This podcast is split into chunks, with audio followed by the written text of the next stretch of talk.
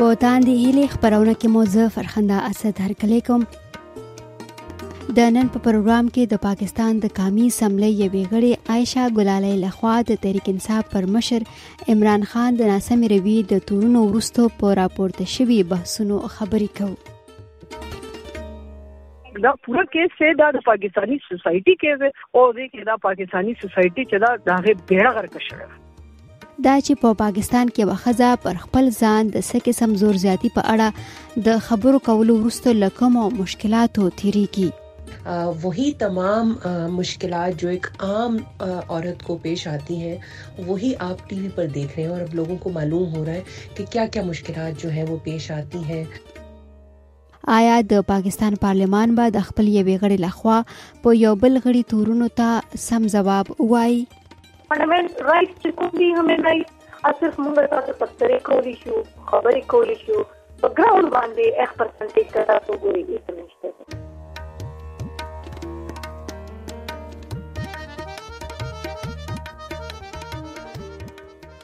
په پاکستان کې د بشري حقوقو کارکونکي وایي د قامي اسمبلۍ د غړې عایشه ګلالۍ لخوا د تحریک انصاف ګوند د مشر عمران خان د ناسمې رویې رپورټ کولو او په دې اړه په ډاګه خبرو کولو معلومیږي چې دغه ټولنه لا هم د داسې خبرو به طرفه پلټونو ته نه ده تیاره عائشه ګلالۍ په عمران خان تور لګولې چې هغه ته یې غلط میسجونه کړي او دا چې په دغه ګوند کې د خزو سره خرویا نه ساتل کیږي بلخوا د تحریک انصاف ګوند مشرانو دغه تورونه رد کړي دي د اگست په ومه نیټه عائشه ګلالۍ کامی سملۍ ته په خپل وینا کې ول چې په تحریک انصاف ګوند کې د خزو سره خرویا نه ساتل کیږي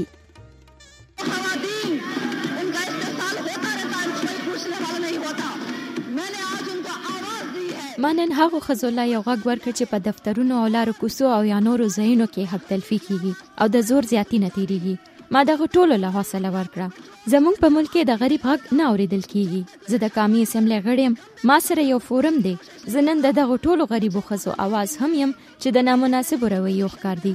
خو د بدنامۍ د یری غږ نشي کولی ما نن دوی ته وویل که تاسو سره څه قسم زور زیاتې کیږي نو خاموشه مه پاتې کیږئ ما نه یوازې په پاکستان کې بلکې بهر هم ښځو ته یوه حوصله ورکړه دوی ماته ټلیفونونه کوي چې موږ ستا سره یو زه په خپل کردار او اخلاقو هیڅ قسم سمجوته نشم کولی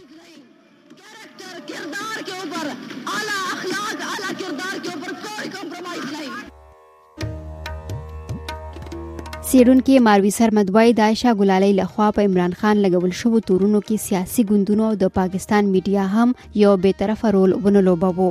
میرا خیال ہے کہ عائشہ گلالائی کا جو کیس ہے یہ کلاسک ایگزامپل ہے زما په فکر د عائشې ګلالۍ کیس یو ډیر ښه مثال دی چې څنګه خزي په داسې حالاتو کې د مسئلو نه تیریږي دا کیس په دې مهم دی چې عائشہ ګلالۍ او سیاستواله ده او چې په چا یې د ناسمې رویې تور لګولې دی هغه هم د یو مشهور سیاسي ګوند مشر دی او بیا هغه په پریس کانفرنس کې دا خبرې وکړې نو څکه هم دا مسأله ډیره مخه ته راغله خو د دې مسلې پر خصو ډیر بد اثر هم شو لکه څنګه چې په میډیا کې پایشا ګلاله او دغه په کردار خبرې وشوي او هغه د خپل سپیناوي لپاره راغله نو نور خصي به هم اوس دا نه خوخوي چې د خپل حق لپاره आवाज پورته کړي میډیا په دې هرڅه کې ډیر بهوده رول تر سره کړ د تحریک انصاف ګوند خوځو سړو هم ډېرې غلطې خبرې وکړې یو وخت کې دی شي دوی ته دا معلومه شي چې دوی څه ویلي دي او ممکنه ده په خپلو خبرو وشرمېږي خو میډیا باید له ډېر احتیاطه کار اغوستی وي مګر میډیا کو بهرحال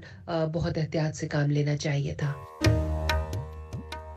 د عورت فاونډیشن د پیښور څنګه یو کارکونکو صحما منیر وای د عائشہ ګلالۍ تورونو ته د خلکو رد عمل د هغې مسلې لا زیات کړي او دا مسله د پاکستان د ټولنې عکاسي هم کوي برادر چې دا کیس عائشہ ګلالي کیس څنګه کنه دې ته وګورئ دا د پاکستانی معاشره ټیسټ کیس و ټیک شو پاکستانی معاشره کو تاسو وګورئ نو دا چرته نه چرته تللی دی دا یو لایک دا تاسو دا وایي چې دا تیر شل کالو کې د زموږ معاشره چرته لاړه پوره دنیا کې سوشل میډیا سره یو اوپن لیست راغلی دی او هغه اوپن لیس چې دی د هغې چې کوم موږ دلته استعمال وکړو دا تاسو دا وګورئ مطلب هغه انتهایی شرمناک او قابل مذمت دی او قابل مذمت څه ته دی وګوره ته د پاکستاني سوسايټي او آینه ښکاریږي چې کله یو خزو چې دا هغه د هراسمنت کیس بچرته ریپورت کوي دا هغه سره به دا هڅه کوي او دا بالکل صحیح خبر چې څه شوی دی کنه دې کې هغه کو ټویټر کې وګوره کو فیسبوک وګوره کو بل بکواس تاسو دا ټول وګوره چې څه کیږي ایگزیکټلی یو خزر چې دا هغه په سوسایټي کې هم دغه څه فیس کوي چې هغه د هریسمنت کیسز ریپورت کوي نو دا خو بالکل چې څنګه چې دا بالکل دا غي یو هغه وی تاسو ته ما سره چې دا یو دغه جلکی وګورئ تاسو دا زموږ د سوسایټي جلکی و او ډیر زه خو دا ویم چې د دې د وجه تاسو وګورئ نو تاسو دا سیاسي دا ټول دا سیاسي پارټي دي د مخکاره شو خلکو ته چې دوی د خپل څورته یو څه د نوې نسل نوې کول چې موږ ورته دا غي کې دای څه کړی څونه د دې انویسټمنټ دی صرف یو د دې د وجه غواړي چې دلته به دې ته صرف هغه ووټ واچي دی د یوت هغه ټریننګ هغه خبره یو خپل سوسایټي خکویو د پاره چې څه د پولیټیکل پارټي یو ذمہ داری موږ سیاسي پارټي خو دا هغه بالکل دا ماته سره دا دا پوره کیس سه دا د پاکستانی سوسایټي کیس او دې کې دا پاکستانی سوسایټي چې دا د هغه بیړه غرق شوه سیما منیر دا هم وایي د عایشه ګلالۍ خبرو ته چې څنګه سیاسي ګوندونو او خلکو ځواب ورک له دغه سره به نورې هغه خزي هم پر دې سوچ او فکر مجبور شي چې د څه قسم زور زیاتی خلاف غږ پورته کول غواړي وګوره د دې چې کله موږ یو کیس حل کول نه غواړو کنه دا هغه تاسو ته بالکل په ګوتو شمیرل شم خبرې ځاغه کیس لپاره موږ یو پارلیماني کمیټي جوړو خبر پښتونخوا کې د 13 سملې کې چې کله د ډومېسټک وایلنس بل راغلی و مخې ته او مسلم لیګ نون او جې یو آی د هغې ډېر زیات په دې تحفظات نو بیا دوی څه وکړل چې جی داسې کوو دې ته یو پارلیماني کمیټي جوړو چې هغه به دا ګوري او بیا به د دې فیصله کوو نو هغې نه پس تر نن دا دوه هزار ستاره راغو د هغې کیس چېرته فیصله ونه شوه نو زه پخپله دا ګڼم چې دا به یو یوسلیس کمیټي نه به چرته عمران خان دا خبرې مني نه به ګلالۍ مني تاسو ته هم پته ده ما ته هم پته ده چې دلته چې کله موږ دا خبرې کوو نو هغه وایي زما خلاف سازش ستا خلاف سازش او چې کله پارلماني پارټي به جوړېږي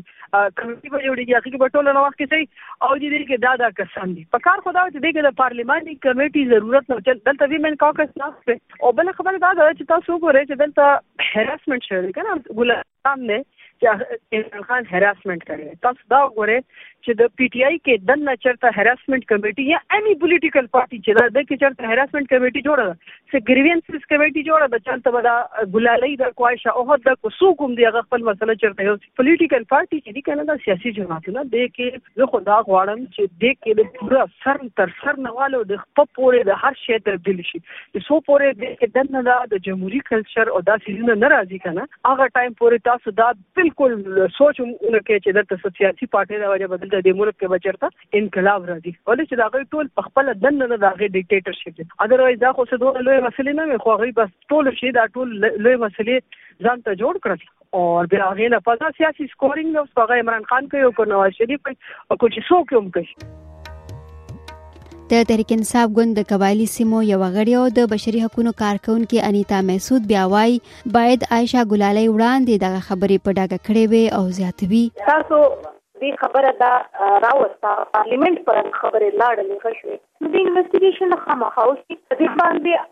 چا باندې د بلیم کړي غلط دی هغه ته بالکل زه قبایل په هغه باندې وایم چې ته پوه ته قبایلي طریقه باندې ته پوه شي زموږ خپل یو رواج دی هغه رواج باندې وشي زه یو هیومن رایټ اکټیویست په تور باندې راوته یم زه د فاټا د ښځو د حقوق خبره کوم اخته دا ریلایز کوم قبایل رونه ته چې دی ښځې د مخ ته راتلی شي هر میدان کې ښځه د خپل رایټ پر پولیټیکل پارټیز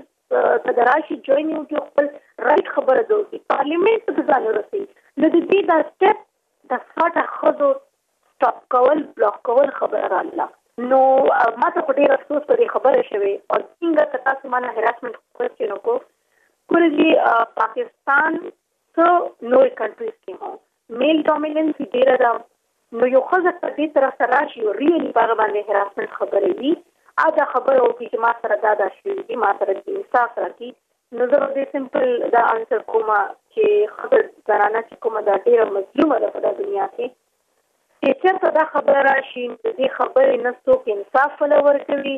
نه څوک عزت ولا ورکي الټا هغه خزه د عزت هم شي هغه خزه باندې الزامات هم راشي هغه خزه سپک نظر نم خل ګوري چې کدا پراپر امپلیمنټیشن وی کنه نو نن به یو واضح پرسنټیج وو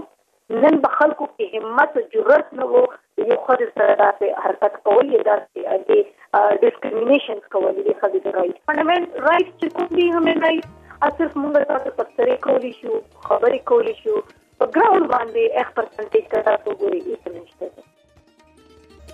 انیتا محسود چې خپل هم د جنوبي وزیرستان سره تعلق لري وای باید په ټولنیزو رسنیو کې پر خزو د زور زیاتی او یا له دوی سره د ناسمو رویو په خبرونو پر رایو ورکولو کې له ډیره احتیاط کار واخیستل شي ګوره زه خو دې اګینسټ یم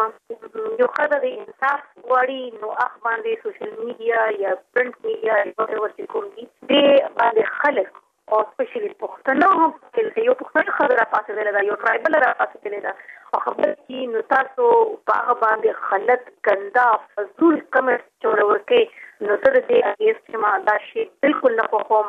ځکه چې هر سړی خویندی لوڼی شته په کور کی نو دا وخت په بل چا هم راتلی شی دا خبری زه اګینسټ یم ځکه چی دا بیا زما زه به دا وایم چی دا قطعا خو یو ایم این ای راپاڅیدلی ده یو عام جینی به چرته دا کریج نه وی چی خپل ځان سره به زیاتی وشی او به خاموشی سره خپل ناست یو سین خپل چی کوم چا سره زیاتی ظلم کړی هغه خپل انجام ته نشی رسولو I don't think so چې دا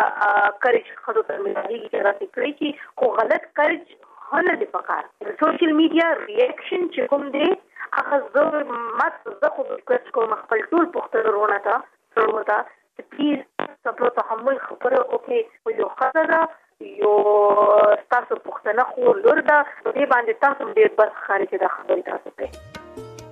بلخوا د پاکستان د بشري حقوقو کمیشن په خوانې مشره زهرا یوسف وايي د عائشه ګلالۍ تورونو ته خلکو غلطه بڼه ورکړه کسی بھی عورت کو هراسمنټ رپورټ کرنا جب کرتی بھی ہے تو ایک نیا سلسله یوه ښځه که د زور زیاتی خلاف څه وایي نو له بده مرغه هم په هغې پسې خلک بد رد ویل شروع کړي نو دغه خو بیا یو بل قسم زور زیاتی شو په دې کې مطبوعات هم شامل دي سیاسي ګوندونه هم په دغه ښځې بد رد وایي او خلک خو پرېږدی دا داسې ده چې دغه ښځه یو ځل بیا د ذهني پریشانیو او خفګان نه تېرېږي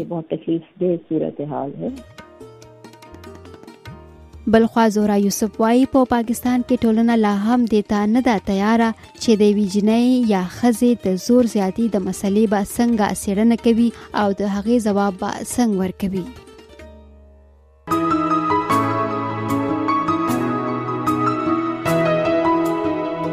ښځې د پښتني ټولنې نیمایي برخه جوړوي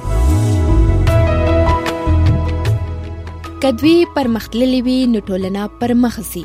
په تاندې هلي خبرونه کې له فرخنده ست سره به ووري چې د پښتنو خوځو د پرمختګ پر وړاندې خندونه څه دي د هرې نهې یا سې شنبې او هر زیارت یا پنځشنبه په ورځ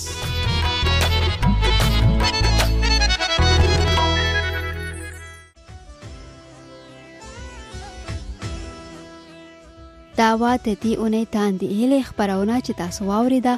زه فرخنده اسد درنه اجازه غواړم ته خدای په امان